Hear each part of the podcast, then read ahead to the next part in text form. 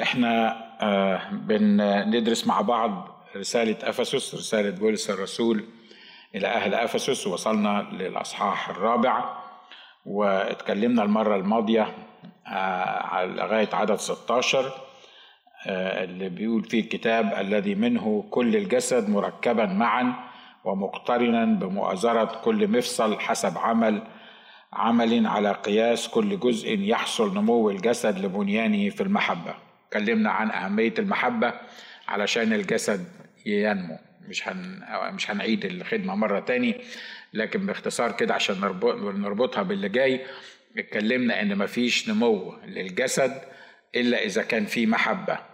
لو ما كانش في محبة منسكبة بالروح القدس في قلوب أي كنيسة أي جسد موجود في أي كنيسة يبقى مفيش نمو. ممكن يبقى فيه هيصة ممكن يبقى فيه ترنيم ممكن يبقى فيه صلوات ممكن يبقى فيه وعظ ممكن يبقى فيه أي حاجة تاني. يعني أي حاجة ممكن تكون موجودة لكن إحنا ما تعملناش أو ما جيناش الكنيسة أو مش موجودين قدام الرب علشان نرنم وعشان نصلي وعلشان نوعظ وعشان ندفع عطا وعشان نكون موجود موجودين في الكنيسة.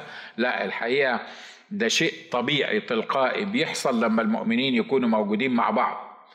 إحنا موجودين في الكنيسة علشان هذا الجسد اللي موجود قدامي ينمو معا. وزي ما اتفقنا المرة اللي فاتت مفيش جسد فيه عضو بينمو وعضو تاني ما بينموش. يبقى الجسد فيه مشكلة يبقى يبقى محتاج تصليح يبقى محتاج شفاء يبقى محتاج علاج. فالهدف الأساسي من القصة اللي إحنا بنقولها أن الجسد ينمو معا. وتكلمنا بالتفصيل المرة الماضية إنك ما تقدرش تستغنى عن الجسد. ما تقدرش تقرر إنك تشوف الخدمة بتاعت السبت والحد كل سبت والحد على الإنترنت. و... وأنا قلت الكلام ده مرات كتيرة مرات كتيرة بنقول آه لا خليني أنا في البيت وخليني أنا أتفرج على ال... ال... الخدمة على كان الإنترنت ولا على التلفزيون ولا على غيره. ويل أنت هتشوف الخدمة وهتشوف الترانيم وممكن تسمع الخدمة وتركز فيها وممكن ترنم معانا. وممكن حتى لو عملت مايدة في بيتكم وخدتها لكن هتفتقد لحاجة مهمة جدا للجسد اللي موجود في المكان ده اللي إحنا بنبقى موجودين فيه. فدي مش كماليات وجودي في الكنيسة مش كماليات يعني ما إحنا بنسمعك وبنرنم وبنصلي وبنعمل كل الحاجات اللي أنتوا بتعملوها بنعملها معاكم بس وإحنا موجودين في البيت مريحين كده وقاعدين على الكاوتش وبنشرب شاي بنتونس وممكن كرزات كمان وإحنا وإحنا وإحنا بنسمعك فكله كويس. يعني حن يعني عايز إيه تاني انت؟ أنا مش عايز حاجة أنا عايز الجسد ينمو مع بعض. والجسد مش هينمو مع بعض إلا إذا تواجد في مكان واحد. إلا إذا كان زي ما قال الكتاب تم فيه المكتوب غير تاركين اجتماعنا كما لأمر كما لقوم عادة. ليه؟ لأنه عارف الروح القدس عارف إن نمو الفرد قصة ونمو الجسد ده قصة تاني. نمو الفرد مش هيحصل وهو بعيد عن الجسد. وأنا أنا قلت الكلام ده بس اهميته بعيده تاني بسرعة. لو أنا قطعت جزء من دراعي أو من صباعي وحطيته على جنب كده وقلت له بص أنا هاكلك وهشربك وهسقيك وهعمل كل حاجة انت تنمو بس أنا يعني الجسد ده ناقص صباع بالتالي الجسد مش. الصباع مش هينمو. مش كده برضو ليه؟ لأن ما ينفعش عضو واحد ينمو لوحده. ما ينفعش. الموضوع مش سماع خدمات الموضوع مش سماع ترانيم الموضوع حتى مش خدمة. الموضوع ما هوش وعظ. الموضوع ما هوش ما هوش أي حاجة تاني غير إن إحنا نيجي كجسد واحد نقعد قدام الرب نسمع الرب بيقول إيه؟ وننمو معا. لو ما كناش بننمو معا تبقى في مشكلة روحية كبيرة في أي جسد إن كان هنا ولا غير غير هنا. عدد 17 بيقول فأقول هذا وأشهد في الرب أن لا تسلكوا فيما بعد كما يسلك سائر الأمم أيضا ببطل ذهنهم. إذ هم مظلموا الفكر ومتجنبون عن حياة الله لسبب الجهل الذي فيهم بسبب غلاظة قلوبهم. الذين إذ هم قد فقدوا الحس أسلموا نفوسهم للدعارة ليعملوا كل نجاسة في الطمع. وأما أنتم فلم تتعلموا المسيح هكذا. الرسول هنا بعد ما سرد كل اللي موجود في أصحاح أربعة واللي قبليه والنمو والجسد والأعضاء والمفاصل والروبوت وكل الكلام اللي إحنا اتكلمنا عليه. بيقول لو كل اللي إحنا اتكلمنا عليه بقي افيلابل ليكم بقي متاح ليكم بقي المفروض إن أنتوا عايشينه يبقى النتيجة الطبيعية في النهاية فأقول هذا وأشهد في الرب أن لا تسلكوا فيما بعد كما يسلك سائر الأمم أيضا ببطل ذهنهم ليه؟ إن كان الله وفر لي كل وسائل النمو من كتاب كلمة ومن إخوة مع بعض ومن شركة ومن كسر خبز ومن صلوات ومن احتكاكات حتى بعضنا ببعض إن كان الله وفر لي كل شيء علشان أنمو كجسد هنا بيقول بقى يبقى الموضوع زي ما بنقول كده ببساطة بالبلد الكرة في ملعبكم. ليه؟ لأن أنتوا بقى المسؤولين عن النمو ده إن أنتوا تنمو معا كجسد مع بعض. وبيقول كده أنا عايزك عايزكم تفهموا أن لا تسلكوا فيما بعد كما يسلك سائر الأمم أيضا ببطل ذهنهم. إذ هم مظلموا الفكر ومتجنبون عن حياة الله لسبب الجهل الذي فيهم بسبب غلاظة قلوبهم. إحنا هنبتدي من الآخر الأول. هنبتدي العدد ده أو العددين دول نفسرهم من الآخر للأول. أصل المشكلة الأساسية في الناس اللي بيتكلم عنهم دول اللي هم سائر الأمم اللي ذهنهم باطل واتكلمنا عن الذهن الباطل بالتفصيل. واللي مظلموا الفكر واللي متجنبون عن الحياة الله واللي فيهم جهل. الموضوع كله بسبب غلاظة قلوبهم. لأن من القلب بتبدأ الأمور كلها مش من الدماغ ومش من التفكير ومش من المجتمع اللي إحنا عايشين فيه. لأنه من فضلة القلب يتكلم إيه؟ من القلب الشرير يخرج إيه؟ يخرج شرور. من القلب الطاهر من القلب السليم القلب المليان بالروح القدس الشيء الطبيعي إن يخرج كل شيء صالح. علشان كده أساس الموضوع الضربة الأساسية للإنسان أو اللي ممكن تحصل في أي جسد في أي كنيسة ما بتبتديش بالعلاقات ما بتبتديش بالمشاكل بين الناس. ما بتبتديش بالتفكير اللي ممكن يكون مش مظبوط بسبب أو أو لآخر. لكن بتبتدي بسبب القلب لأن القلب زي ما قال الكتاب أخدع من كل شيء وهو نجيس. علشان كده الأساس كله اللي إحنا بنتكلم فيه بيبتدي من القلب. لو كان قلبي سليم لو كان قلبي مليان بالروح القدس الشيء الطبيعي إنه هيطفح عليا اللي موجود في قلبي هيطفح من قدام. أنا عارف إن إحنا أجدع ناس بنعرف نمثل. لاسباب كتيرة وخصوصا إحنا في ال Middle East لأن إحنا عشنا تحت ضغوط وغيره وغيره وغيره. فإحنا أجدع ناس نقدر نمثل على بعض. ون ونقول كلام كده شربات وحلو و... و... وكلام في جوه الكنيسة نقوله بطريقة روحية كده وقلت الكلام ده بتاع 18 مرة. مفيش مشكلة نقوله كمان المرة ال 19 إن لو سألتك جوه الكنيسة وقلت لك أخبارك إيه تقول لي نشكر الرب. فينك يا أخونا تقول لي في المسيح؟ اطلع بره بس الباب. لو سألتك نفس السؤال بره وقلت لك أخبارك إيه تقول لي الحي بيقاسي تقول لي المشاكل اللي إحنا عايشين فيها. إحنا عملنا قصة صح الكلام اللي أنا بقوله ده؟ لو صح كده هز دماغك أو فك إيديك أو اعمل أي حاجة في أي حاجة عشان أحس إن أنت موجود معايا يعني. أو أحس إن أنا في نفس المركب اللي إحنا اللي إحنا عايشين فيها يعني. ف فبقيت الجسد جوه الكنيسة ليه طريقة معينة ليه ألفاظ معينة ليه جمل معينة ليه حركات معينة وفي بعض الأماكن ليه لبس معين. وليه طريقة ديليفري بتاعة الكلام والوعظ بطريقة معينة. تطلع بره بس أسوار الكنيسة كأنك لا دخلت الكنيسة ولا رحت ولا جيت. القصة الأساسية اللي إحنا بنتكلم فيها هنا إن اللي جوه هو الأساس مش اللي أنا شايفه مش اللي أنا بعمله مش اللي أنا بمثله. أو مش حتى اللي أنا بتصرف بيه لأن أنا أقدر أكنترول تصرفاتي وأقدر حتى لو كنت قاتل واحد بره لما تيجي تكلمني عن الروحيات أوعظك وأكلمك وأقنعك آه يعني تقتنع تقتنع ما تقتنعش أقنعك بالعافية باللي موجود جوايا. لكن الموضوع مش كده. الموضوع مش كده. ليه؟ الموضوع هو إن اللي في قلبي هو اللي بيحاسبني عليه الله. مش اللي أنا بقوله مش اللي أنا بعمله مش اللي أنا بتصرفه. ليه؟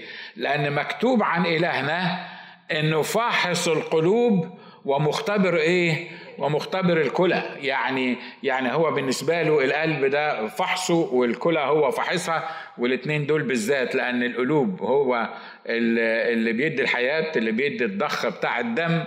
بس مرات الدم بيتلوث مرات الدم ده ما بيبقاش ماشي كويس فبيتنقى فين؟ الدم ده بيتنقى في الكلى. يعني عايز يقول إن كان قلبك ولا الكلى بتاعتك أنا عارفك كلك من جواك فأنا فاهم اللي أنت عايش فيه واللي أنت بت... سواء كنت بتمثل أو ما بتمثلش. عشان كده زي ما قلت إحنا هنبتدي من الآخر للأول. بسبب غلاظة قلوبهم. في ناس قلوبهم غليظة. يعني إيه غليظة؟ ما بيسمعوش.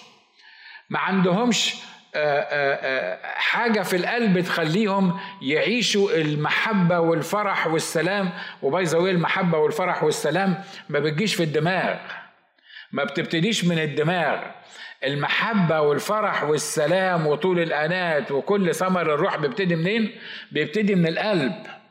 لما القلب يبقى فيه الروح القدس ويكون فيه كل اللي إحنا بنقوله ده ثمر الروح الشيء الطبيعي هيتم فيا المكتوب فاض قلبي بكلام صالح متكلم أنا بإنشائي للملك لساني قلم كاتب ماهر أنت أبرع جمال. من كل البشر. خلي بالكم فضى إيه؟ فضى إيه اللي فضى مش فضى حلقي. حلقي زي ما أنتم بتقولوا أو بلساني أو فاضت يعني مشاعري أو دماغي أو تفكيري أو كل حاجة. فاض قلبي بكلام صالح. لما اتملى قلبي بكلام صالح الشيء الطبيعي مع ضخ الدم اللي بيوصل لمخي وعينيا ولساني ووداني لما يطلع الكلام ده من قلبي يقدر تقدر تشوفه انت على وشي وعلى كلماتي وعلى تصرفاتي لأنك أنت مش شايف قلبي ومش شايف اللي موجود في قلبي ونشكر الله إن أنت مش شايفه ولا هتشوفه طول عمرك لكن ده شايفه إلهه وهو ده اللي بيطلع من قلبي يوصل لك عن طريق الحواس بتاعتنا اللي إحنا بنعبر بيها عن بعض. أمين؟ واضح اللي أنا عايز أقوله؟ الناس دول بيقول إن القصة كلها ابتدت بسبب غلاظة قلوبهم. في ناس قلوبها غليظه كده. فهمها زي ما تفهمها. قول زي ما تقول. تبقى بتحكي قصة تخلي الحجر يتفتفت زي ما بيقولوا. تخلي أقص يعني يعني تخلي الناس تدوب. وهو قاعد باصص لك كده. تقول يا ابني أنت ما بتبتسمش ليه؟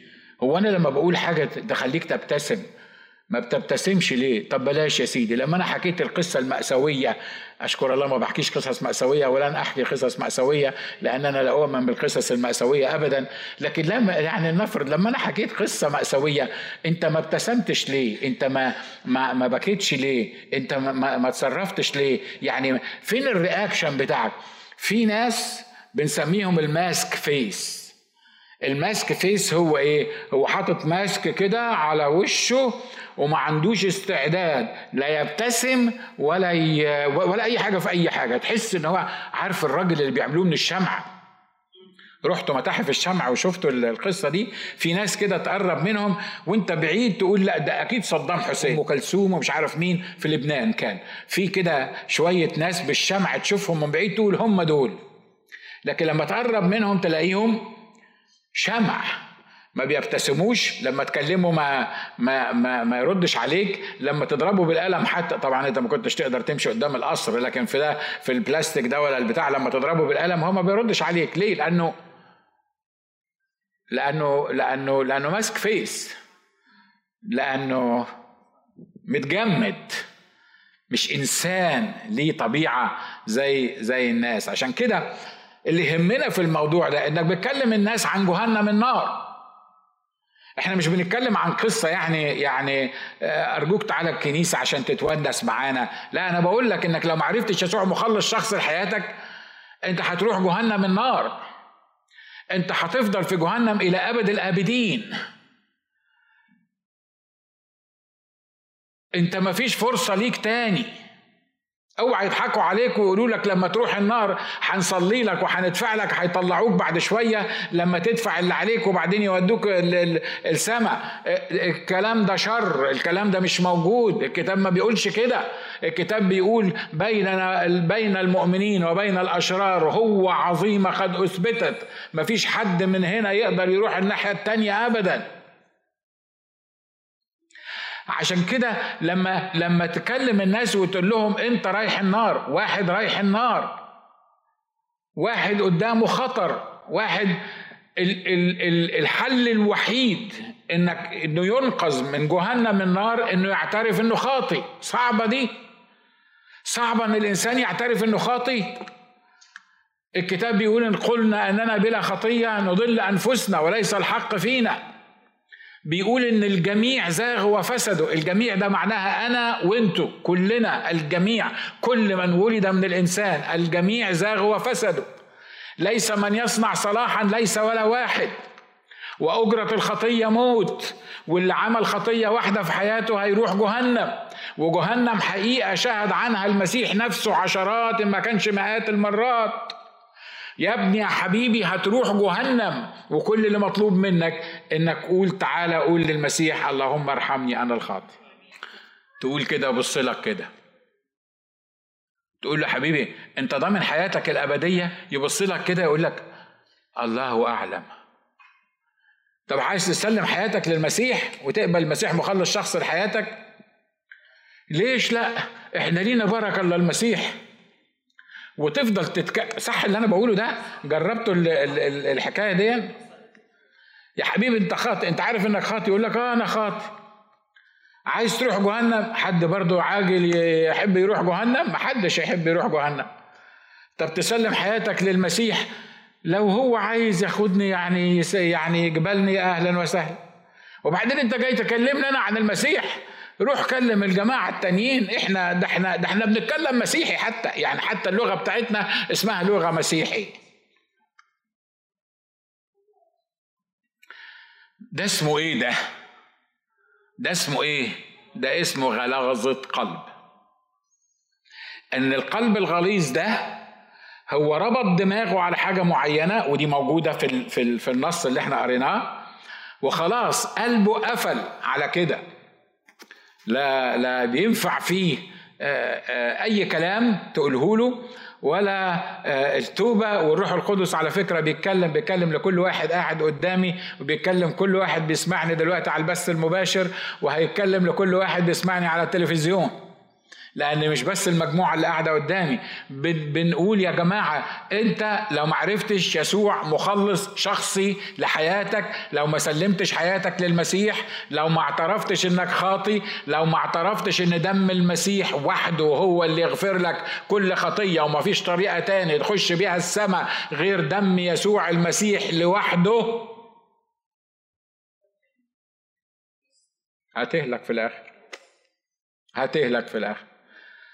معقول حد يسمع اللي انت بتقوله ده؟ ويعني دازن رياكت ويعني ما, ما, ما يبقاش في أي انفعال من اللي انت بتقوله ده. لا في ناس في ناس بتسمع وسمعت أكتر من كده كتير.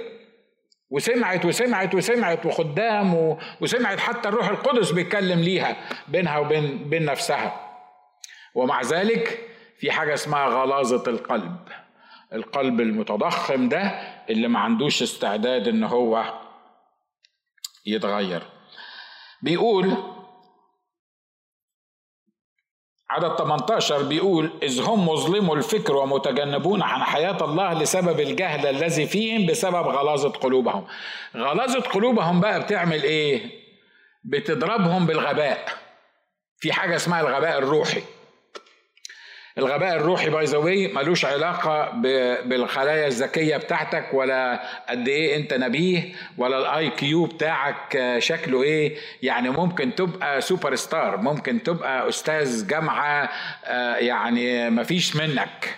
يعني وشهاداتك وحاجات من كده. إحنا مش بنتكلم عن الذكاء الطبيعي العادي لأن الحقيقة يعني معلش اسمع اللي أنا بقوله لك ده بطريقة كويسة. صدقوني يمكن يمكن أقدر أقول يعني سيفلي كده إنه اللي ما عندهمش الذكاء السوبر ده اللي إحنا بنتكلم عليه بيقبل المسيح أسهل جدا من الناس اللي فاكرة إن هم أذكياء ويعرف محدش يعرف يعني يوصل له في الذكاء. صح اللي أنا بقوله ده؟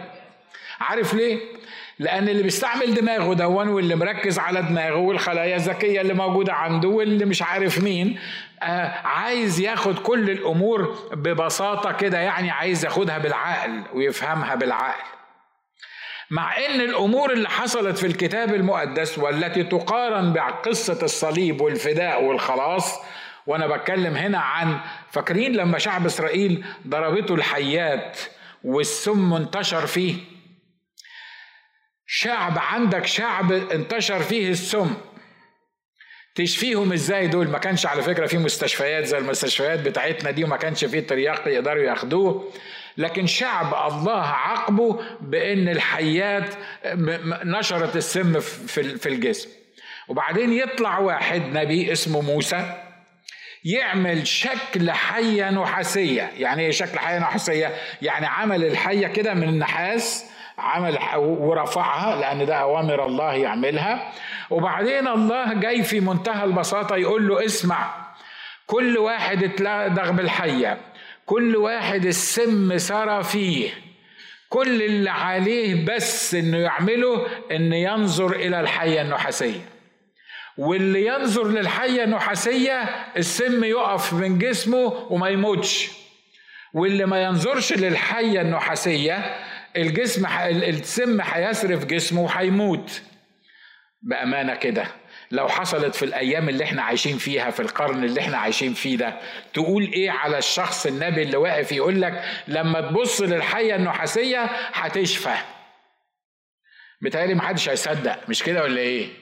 إيه علاقة يا عم النحاس اللي أنت حاطه على إن كان على صليب ولا رفعه على خشبة ولا وات لأنه إشارة للصليب لأن الكتاب قال كده في إنجيل يوحنا إنه إشارة للصليب كما رفع موسى الحية في البرية هكذا ينبغي أن يرفع ابن الإنسان لكي لا يهلك كل من يؤمن به بل تكون له الحياة الأبدية. بس فهمني إزاي واحد ملدوغ بالحية وجوه جسمه سم يبص لحية نحاسية هي أصلا ما فيهاش حياة.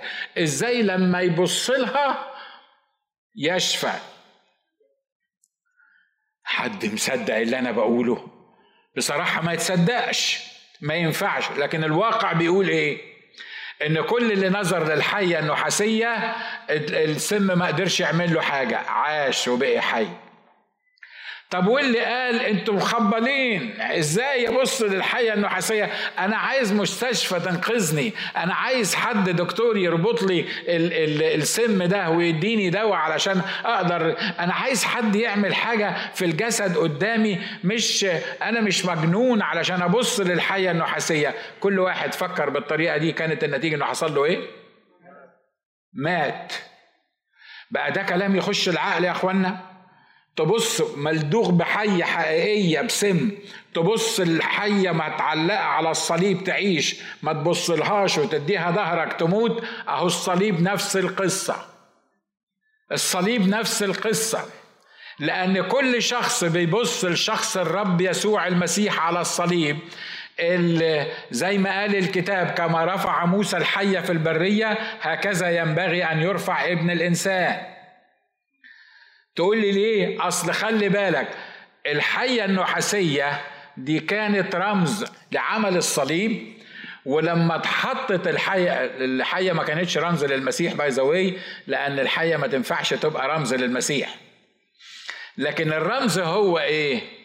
إن الحية النحاسية وال وال وال اتسمرت في الصليب وضاع تأثيرها السام في الصليب زي ما هو موسى رفعها على إن كان خشبة ولا إن كان رفعها على صليب اللي حصل بالظبط إن لما ترفع الرب يسوع الكتاب قال في الصليب أشهرهم جهارا ظافرا بهم فيه. يعني الشيطان على الصليب اتسمر ويسوع اتسمر بس يسوع قام في اليوم الثالث لأنه يسوع لكن العدو تم خرابه إلى الأبد. آمين. تقول لي دي محتاجة إيه دي؟ يعني يعني إزاي إزاي إزاي اصدقها؟ إزاي اصدق الحقائق دي؟ اصدقها إزاي؟ عارف تصدقها إزاي؟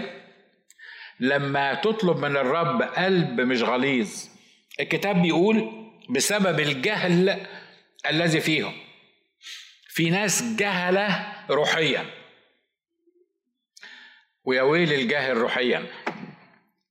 الجاهل روحيا عارف على فكرة كل الجهلة فاكرين نفسهم هم أكتر ناس بيفكروا مش كده؟ أغبى الناس هو اللي فاكر إن هو الوحيد اللي فاهم متفقين إحنا مع بعض مش كده؟ يعني يعني من كتر جهله هو فاهم إن هو اللي فاهم فالكتاب بيقول هنا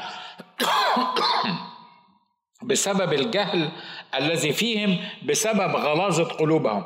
غلاظة القلب بتعمل إيه؟ بتدي غباء في الذهن.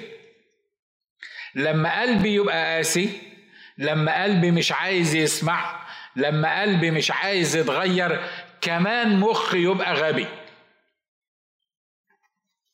خلي بالكم الموضوع مش من هنا مش بيبتدي من هنا. الموضوع بيبتدي منين؟ معلش بص اللي جنبك قول له الموضوع بيبتدي من هنا. عشان الموضوع بيبتدي من هنا من القلب. لما القلب يبقى قاسي لما القلب يبقى غليظ الشيء الطبيعي إن الدماغ هيبقى غبي. يا عم إحنا بنقول لك إن المسيح مات علشانك ودفع ثمن الخطية بتاعتك على الصليب. وبالنعمة أنتم مخلصون وإحنا درسنا الكلام ده في نفس الرسالة بالنعمة أنتم مخلصون وذلك ليس منكم هو عطية الله. ليس من أعمال كي لا يفتخر أحد. يعني الخلاص مجاني مش بأعمالك. لما يسوع يخلصك تبتدي تعمل أعمال كويسة.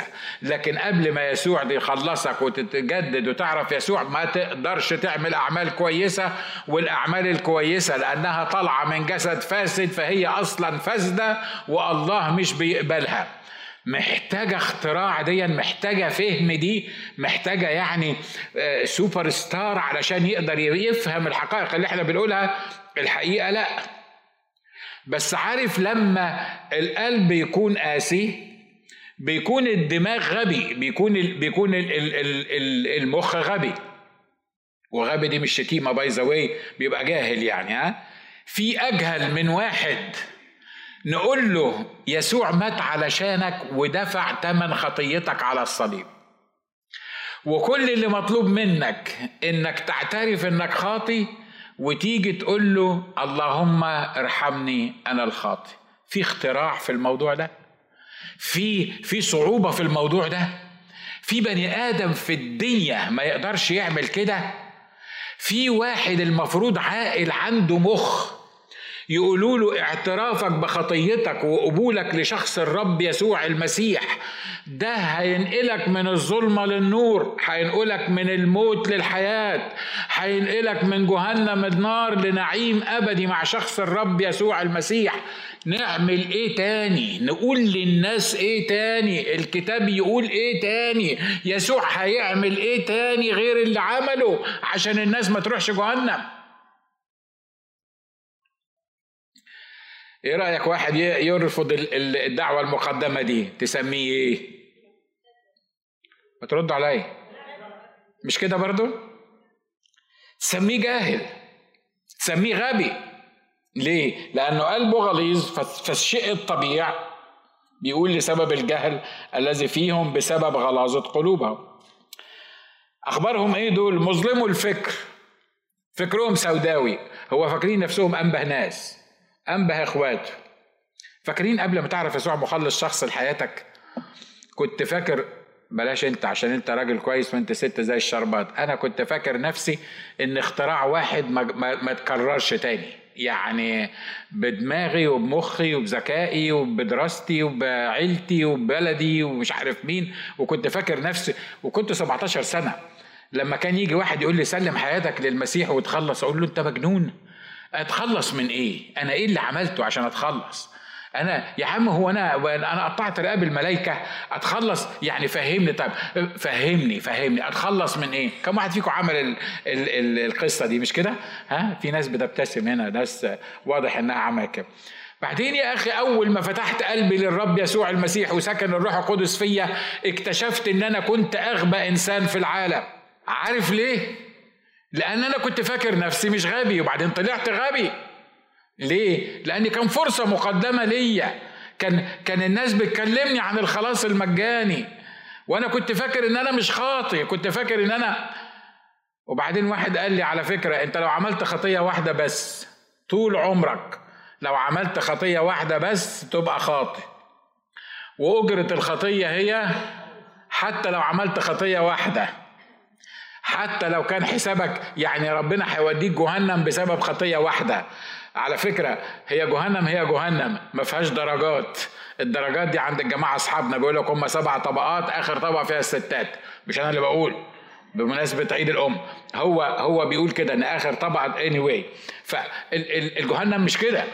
جهنم مش كده. جهنم نار أبدية. ونار لا تطفى ودود لا يموت.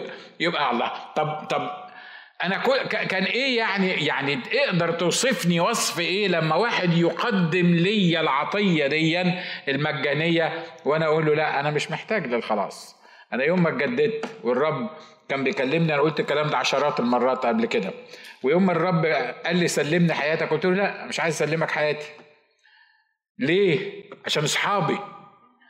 عشان آه، الصيع اللي أنا كنت موجود معاهم. أقول لهم إيه ما بقتش صيع ما أقدرش. أقول لهم ما ما ما ما أقدرش. ما أقدرش. طب ليه؟ حطيت له 100 حجة. 100 حجة. أنا مش عايز يا عم. قلت له بقول لك إيه؟ بيقولوا عليك بتحترم إرادة الإنسان وأنا بإرادتي مش عايز أعرفك. في أغبى من كده؟ واحد يقف ما, يهمكش قول ما يهمكش. فيعني يعني في واحد يقف قدام الله الله بيكلمه وبيقول له سلم حياتك وتعالى لي علشان أغير حياتك. يقول له أنت بتحترم إرادة الإنسان وأنا بإرادتي مش عايز أعرفك. اشكر الله إن هو ما خدنيش من بكلامي وإلا كانت وقعتي بقيت مش فايتة. بيقول بسبب الجهل الذي فيهم الخطاة جهلة. الخاطي شخص جاهل. الخاطي شخص غبي.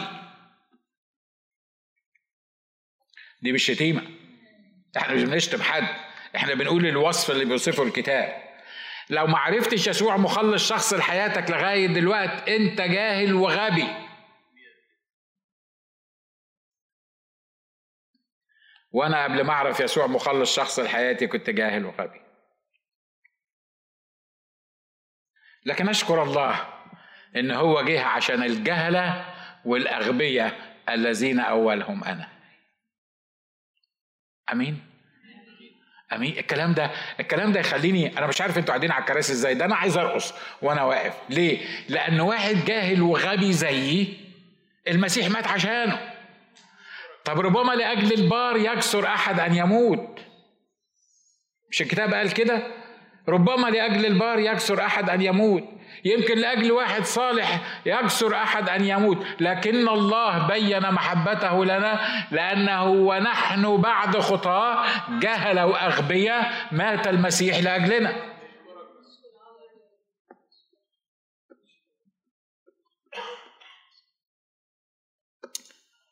قول له أشكرك يا رب. أشكرك لأجل عمل الصليب. إذ هم مظلموا الفكر ومتجنبون عن عن حياة الله. الخاطي مش بس جاهل وغبي الخاطي ميت. ميت. والكتاب قال صراحة أنتم كنتم أموات بالذنوب والخطايا أحيانا مع المسيح. وإحنا كنا وإحنا كنا أموات. على فكرة المسيح ما صلحش مننا ما رقعناش يعني إنجاز التعبير أو ما مسكش ناجي وقال ناجي ده في كذا وكذا وكذا حاجات مش مظبوطة حاجات مش صح. أنا هعمل له عملية يعني إيه ترقيع كده. الحاجة اللي مش صح فيه هصلحها والحاجة اللي مش مظبوطة فيه هظبطها له. وفضل يظبط فيا كده لغاية ما عملني شخص إلى حد ما متظبط. ده اللي عمله المسيح على الصليب؟ مش ده اللي عمله المسيح على الصليب. اللي عمله المسيح على الصليب عمل إيه؟ بيقول مع المسيح حصل لي إيه؟ مع المسيح صلبت. فأحيا لا أنا بل المسيح يحيا فيا. يعني المسيح لما شافني أنا جاهل وغبي ما حاولش إن هو يشتغل شوية على دماغي ويشتغل شوية على قلبي ويشتغل شوية على أفكاري. لا قال ناجي ما فيهوش فايدة. ليه؟ لأن ناجي ده الجميع زاغ وفسدوا وزي ما اتفقنا الأكل الفاسد هتعمل له إيه؟ once إن الأكل فسد أو حاجة فسدت مفيش طريقة تاني غير إنك أنت تكبها في الزبالة. ليه؟ ليه؟ لأنك ما ينفعش إنك أنت الأكل الفاسد أو الحاجة الفاسدة تخليها مش فاسدة لأنها once إنها فسدت فسدت forever طب الفاسد ده نعمل له إيه؟ الفاسد ده نخلقه خليقة جديدة ونخلي الأشياء العتيقة قد مضت هو ذا الكل قد صار إيه؟ قد صار جديدا. مع المسيح صلبت فأحيا لا أنا بل المسيح يحيا فيا كتاب بيقول أقامنا معه هو إحنا كنا اتدفنا معه هو إحنا كنا اتصلبنا معه عشان أقامنا معه آه إحنا في الصليب لما مات المسيح على الصليب إحنا دفنا معه وأقمنا معه لما قام لأنه أقامنا معه وأجلسنا معه فين؟ أجلسنا معه في السماويات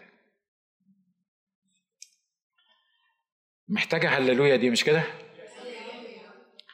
مجدا للرب. ومتجنبون عن حياة الله بسبب الجهل اللي فيهم. زي ما اتفقنا الميت محتاج إيه؟ محتاج حياة. الميت محتاج بص للي جنبك قول له الميت محتاج حياة. الميت مش محتاج ترقيع. الميت مش محتاج إصلاح. لما بتاخد واحد عند counselor كده أو تاخد واحد عند واحد من اللي مش فاهمين وتقول له أنا عملت الخطية الفلانية ولا سويت مش عارف مين يقول لك يا ابني حاول ويا ابني قاوم ويا ابني مش عارف مين ويا ابني مش عارف ويحاول يصلح لك حكاية كده. أنا الحقيقة لما بيجي عندي واحد بالمنظر ده أقول له يا ابني أنت محتاج تموت؟ وإن شاء الله يسوع يقومك معاه ولما يسوع يقومك معاه تبقى خليقة جديدة تبقى خدت حياة جديدة أنت مش محتاج إصلاح. إحنا مش محتاجين إصلاح إحنا محتاجين الحياة حياة الله اللي موجودة في المسيح. بيقول آخر حاجة نقولها في عدد 17 خلي بالكم مبتدئين من الآخر للأول. وأقول هذا وأشهد في الرب أن لا تسلكوا فيما بعد كما يسلك سائر الأمم أيضا ببطل ذهنهم. في ذهن اسمه الذهن الباطل. وإحنا اتكلمنا عن الذهن الباطل ده بالتفصيل. وقلنا معظم الحاجات اللي إحنا قلناها دي وزي ما اتفقنا في 16 نوع من الأذهان موجودين في الكتاب المقدس. انت مش هتطلع إلا واحد منهم لأن ده بياخد البشرية كلها. في واحد اسمه الذهن الباطل. زي ما قال هنا أن لا تسلكوا فيما بعد كما يسلك سائر الأمم أيضا ببطل إيه؟ ذهنهم. يعني في واحد اسمه خاطي أو واحد طبيعته خاطي وذهنه باطل. ليه؟ لأن ذهنه ما بيشتغلش. ذهنه فاسد. ليه؟ نقول مرة تاني. لأنك لما تقول له يا حبيبي مش هيكلفك حاجة غير إنك تيجي للمسيح باتضاع وتقول له أنا خاطي وارحمني خلصني أنا الخاطي. اللهم ارحمني أنا الخاطي. هيخلصك. لو ما لو ما عملتش كده لو ما فهمتش كده ده اللي بيتكلم عنه الكتاب هنا كما يسلك سائر الأمم أيضا ببطل ذهنهم ده الذهن الباطل اللي ما منوش منفعة. والعجيبة يا أخي إن أصحاب الذهن الباطل دول فيهم ناس أساتذة جامعة وفيهم ناس دارسين وفيهم محامين ومدرسين ونيمت ودكاترة وغيره وغيره. وفي منتهى الذكاء في العالم. يقدر يحل لك مسألة حساب 15 رقم في 15 رقم آه، يقول لك النتيجة بتاعتهم مرة واحدة من غير ما يمسك ورقة وقلم. وبعدين تيجي تقول له حقيقة بسيطة إنك هالك ورايح جهنم والمسيح هو الوحيد اللي يقدر يخلصك ما يقدرش يفهمها. الله هو في إيه؟ إيه إيه اللي حاصل؟ أصل الجماعة دول المتجنبون عن الحياة بتاعه الله ده الجماعة دول ذهنهم باطل ذهنهم بلا ثمر ذهنهم ما بيفهمش. ناس ما بتفهمش. تقول أخ ناجي أنا عايز أقول لك بس حاجة. ما أنت لسه بتقول مش أنت لسه بتقول إنك أنت ما كنتش بتفهم؟ مش لسه بتقول إن أنا إنك أنت كنت غبي؟ وغيره مظلم الفكر والكلام من ده. طب يعني يعني إيه اللي خلاك أنت دلوقتي بتقول إنك مش كده؟ مرة 15 أنا عرفت يسوع مخلص شخص لحياتي. أنا لما يسوع اتصلب على الصليب أنا كنت موجود فيه. أوعى ما تكونش فاهم الحقيقة وتقول يا نهار أسود القسيس اللي واقف على المنبر ده بيقول أنا لما يسوع اتصلب أنا كنت فيه وهو لسه ما كملش 60 سنة ولا بتاع وهو والمسيح مات بقاله 2000 سنة. الراجل ده ماله؟ ده بيقول إيه؟ هو كان في المسيح؟ الكتاب بيقول مع المسيح صلبت. الكتاب بيقول إن هو يسوع لما كان في على الصليب إحنا كنا فيه. إحنا متنا مع المسيح في الصليب. ولما المسيح قام إحنا قمنا في الصليب. محتاجة محتاجة الدماغ دي محتاجة عمل الروح القدس يفتح قلبي الغليظ عشان ينظف فكري وذهن الغبي علشان ذهن الباطل يقدر يقبل الحقيقة دي وبالتالي أقدر أسلك مش حسب الأمم بقى أقدر أسلك حسب أولاد الله. وبالمناسبة ما تقدرش تسلك السلوك الصح وإنت ذهنك باطل. ليه؟ لأن كل حاجة بتطلع صحيح من القلب بس بتتفلتر فين؟ بتتفلتر هنا واللي بيمشي هنا انت بتعبر بيه وبتقدر تكوميونيكيت مع الناس اللي حواليك فما تقدرش ما تقدرش تعمل توصل للمرحلة دي إنك أنت ما تسلكش زي سائر الأمم إن ما كانش الله يديك ذهن صاحي ذهن مستنير ذهن ممسوح بالروح القدس نابع من قلب متغير لأن القلب لو ما تغيرش ذهنك هيفضل مضلم ومطفي طول عمره. صعبة الحقائق اللي إحنا بنقولها دي متهيألي مش صعبة مش كده ولا إيه؟ مش صعبة. أصحاب الذهن الباطل دول بيعملوا بيمشوا زي سائر الأمم. سائر الأمم بيعملوا إيه؟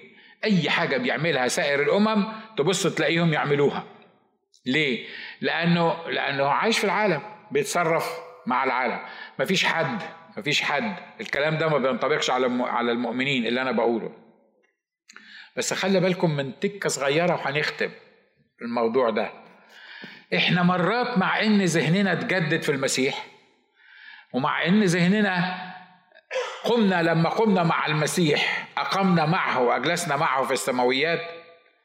لكن واضح إنه مرات كتيرة حتى المؤمنين بيبقى ذهنهم مطفي. مش كده ولا إيه؟ صح؟ أنا بكلم على المؤمنين دلوقتي. هو الخطاة اللي ما عرفش يسوع مخلص شخص لحياته ده مطف دنيا وآخرة زي ما بيقولوا يعني ما فيش فيش وسيلة إلا دم المسيح اللي تخليه لكن أنا بتكلم على المؤمنين. بالرغم من إن إحنا عندنا النور الحقيقي الذي ينير كل إنسان مذكور في هذا الكتاب وكل الحقائق اللي إحنا محتاجينها عشان نشتغل بيها موجودة في هذا الكتاب. ومفيش حاجة بره هذا الكتاب أبدا إحنا محتاجينها مهما كانت الظروف. بالرغم من إن الحياة الأبدية موجودة في هذا الكتاب لكن إحنا كمؤمنين مرات بنختار كتب تانية جنب الكتاب ده علشان إحنا عايزين نعيش ببطل ذهننا إنجاز التعبير ونعيش بمزاجنا وبطريقتنا فبنتلكك على إننا نلاقي كلام بره هذا الكتاب نقدر نؤمن بيه ونقول أصل بص أصل خلي بالك من آية معينة. الكتاب قال إن في أشياء أخرى كثيرة عملها المسيح وما تدونتش في هذا الكتاب. فعشان كده إحنا عملنا بقى كتاب سميناه تاريخ كنيسة سميناه أقوال آباء. بس المهم ليه؟ ما هو أصله علشان نكمل الحاجات اللي مش موجودة في الكتاب. الكتاب. تفتكر لو في حاجة إحنا محتاجينها ما كانش حطها إله الكتاب في الكتاب؟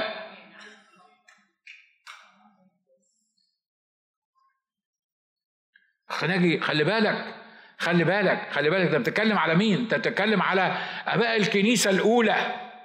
أباء الكنيسة الأولى لو قالوا كلام مش موجود في الكتاب ما يخصنيش ما استعملوش ما يعجبنيش. وما ينفعنيش بل بالعكس يضرني. تقول لي طب ما هو آه ما هم كل اللي قالوه في الكتاب. أمال عاملين كتاب تاني ليه؟ لما كل اللي قالوه في الكتاب عاملين كتاب تاني ليه؟ واضح اللي أنا عايز أقوله؟ واضح مش كده؟ يبقى أي حاجة جنب هذا الكتاب مهما كان كاتبها مرة تاني بقول مهما كان كاتبها تعتبر باطل حتى لو كانت بتوافق على الكتاب ده. ويل الكتب اللي بيكتبوها أناس الله القديسين مهم إنك تقراها ومهم إنك تدرسها ومهم إنك أنت تطبقها بالكتاب. لكن بولس الرسول قال إن, إن كلمناكم نحن أو ملاك بغير ما كلمناكم أو بشرناكم فليكن إيه؟ فليكن أناثما يعني مرفوض.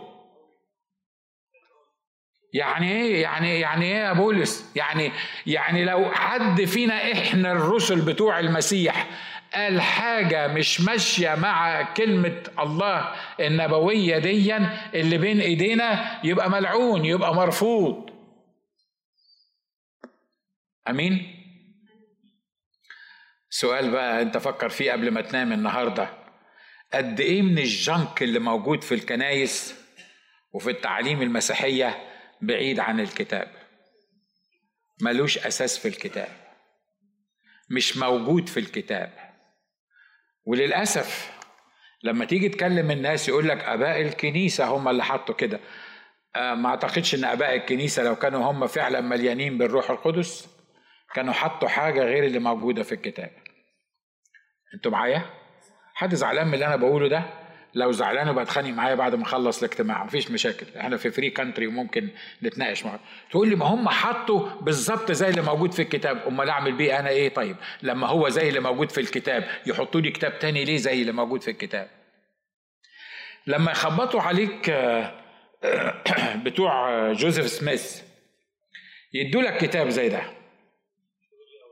ويقولوا لك آه وشوف ويقولوا لك ده هو نفسه. نفس الكتاب. افتح مش عارف إيه وافتح مش عارف إيه وافتح مش عارف مين. وبعدين يدي لك كتاب تاني. كاتبه جوزيف سميث. مألفه جوزيف سميث. تقول له طب طب إيه لازمة الكتاب ده؟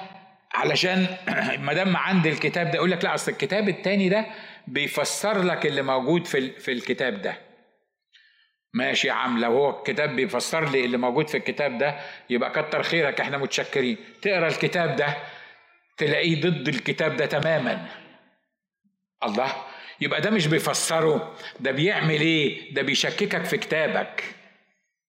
لما تقبل بقى لو ذهني باطل وقبلت الحقيقة دي وخدتها وبلعت الكلام اللي فيه زي مثلا الأسفار بتاعت أبو كريفة اللي بيسموها الابوكريفه أو الأصفار المحذوفة أو الأصفار طبعا كل واحد فينا بيألف لها قصة الأصفار القانونية والأصفار غير القانونية وال وال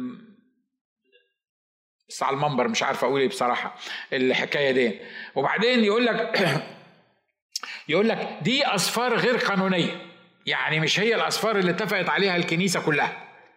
بس إحنا هنحطها في الإنجيل علشان دي اصفار برضو ليها الوجاهة بتاعتها ولما تقراها هتتعلم منها برضو هتتعلم منها حاجات. الأسفار دي اتكتبت في وقت ال 400 سنة اللي كان الله ما بيكلمش شعبه قبل مجيء المسيح. اتكتبت في فترة دي كانت أصلا كلها تقليد وكان كلها فتاوي والأسفار دي كلها إحنا ككنيسة نعمل إيه؟ عجبانا بصراحة يقول لك زيت كبد الحوت بيشفي الأمراض. ما أعرفش كبد الحوت ده بيجيبوه منين بس اني anyway يعني نيمت نيمت حاجات تخريف كتيرة في البتاع. فإحنا نعمل إيه؟ إحنا مش هنحطها في الكتاب. إحنا مش هنحطها في الكتاب. إحنا هنعمل إيه؟ هنحطها لك بعد الكتاب. بعد الكتاب كده هنعمل يعني ملحق اسمه الأسفار المحذوفة. يا عم لما هي أسفار محذوفة هتضيف لي على الكتاب إيه؟ هو الكتاب ناقص علشان تكتب لي فيه أسفار اتكتبت لما ربنا ما كانش عايز يكلم الإنسان وكتب الإنسان عايز تضيفها لي على الكتاب بتاعي وتفهمني واللي ما لقاهوش في الكتاب بتاعي ألاقيه فيها وأتعامل بهذا الأسلوب؟ حد هيتجنن زيي؟ منكم ردوا عليا ما يهمكوش إحنا في free country مش حاجة تجنن برضه؟ لكن عايز أقول لك حاجة. الرسول بطرس بيقول ودي هختم لك بيها. قلت القصة دي قبل كده بس any anyway. رسول بطرس بيقول إيه؟ الذي رأيناه. اللي لمسناه. اللي اللي, اللي رأته عيوننا. اتكلمنا معاه. عشنا معاه. لكن خلي بالكم عندنا الكلمة النبوية التي هي إيه؟ يعني لو الرسول الرسول بطرس اللي بيقول كده أنا ما بحطش كلام في بقه. يعني لو الرسول بطرس كتب لنا حاجات ما حصلتش مع شخص المسيح وما كتب لنا حاجات مش بالروح القدس مع إنها حاجات مظبوطة ممكن تكون يعني مثلا أدي لك مثل الروح القدس قصد إن هو يحكي لنا عن حادثة التجلي.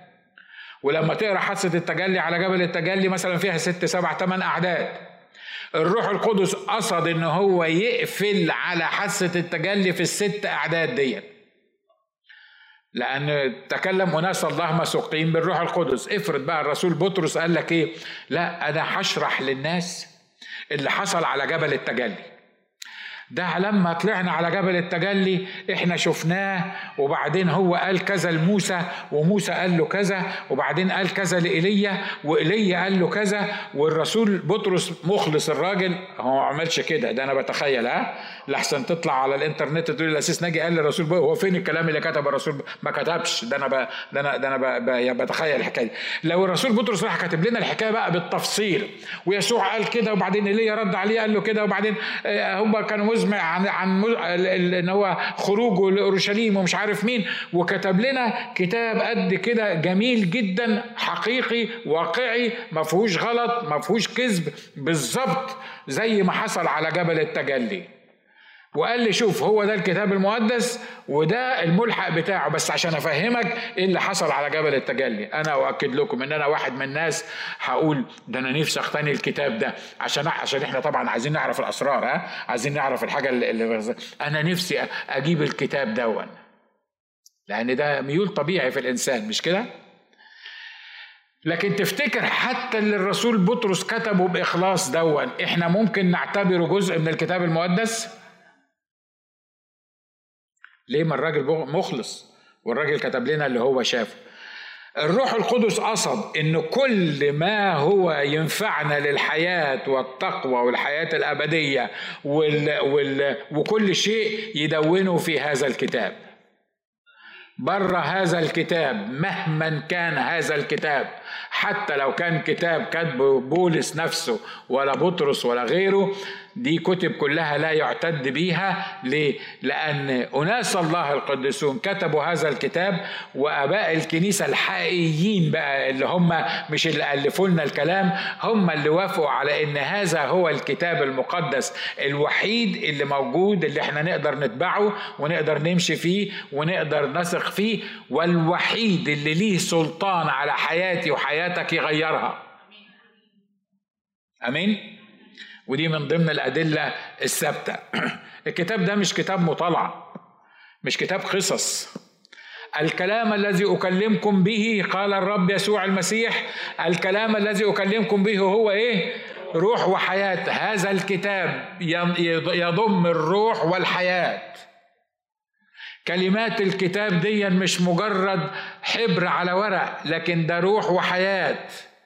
الكلمات اللي موجودة في هذا الكتاب بتغير الخاطئ وبت وبتعمد المؤمن بالروح القدس وبتصنع معجزات وبتخلي الإنسان يبقى خليقة جديدة وبتخلي الإنسان يضمن حياته الأبدية.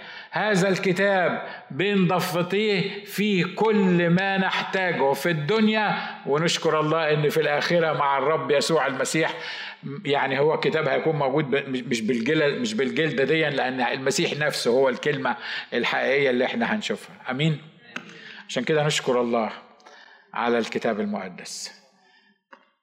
يا ريت لو أنت حاسس إن مخك لسه مضلم شوية أو مش مش قادر تجمع. إحنا راسك معايا وقول يا رب نور مخي. يا رب اتكلم لعقلي اتكلم لذهني. يا رب املأ قلبي بالروح القدس. خلي قلبي يطلع جدد وعتقاء. أنا بسلم قلبي ليك عشان لما تغيره فكري هيتغير. حياتي هتتغير.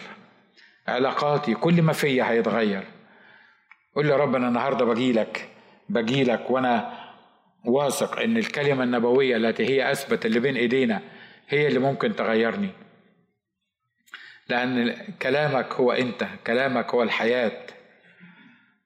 قول له غيرني النهارده يا رب. يا رب انر ذهني بصلي عن نفسي يا رب وعن كل إخواتي اللي موجودين. ادينا استنارة بالروح القدس استنارة حقيقية من عندك. املى حياتي وحياة إخواتي وأخواتي بالروح القدس. ولما تتملي حياتي ويتملي قلبي بالروح القدس ذهني هينور. ومش هنطبق عليا الكلمات ان أكون مظلم الفكر. وذهني مش هيكون باطل. وبالتالي مش همشي كسائر الأمم لأن قانونك بيختلف عن قوانين سائر الأمم. لأن الطبيعة الجديدة اللي أنت بتديها لنا بتختلف عن طبيعة سائر الأمم. أشكرك لأجل الطبيعة الجديدة في المسيح. أشكرك لأجل الحياة اللي في المسيح. أشكرك لأجل الذهن الجديد المتجدد اللي أنت بتديه لأولادك. ليك المجد يا سيد. ليك المجد.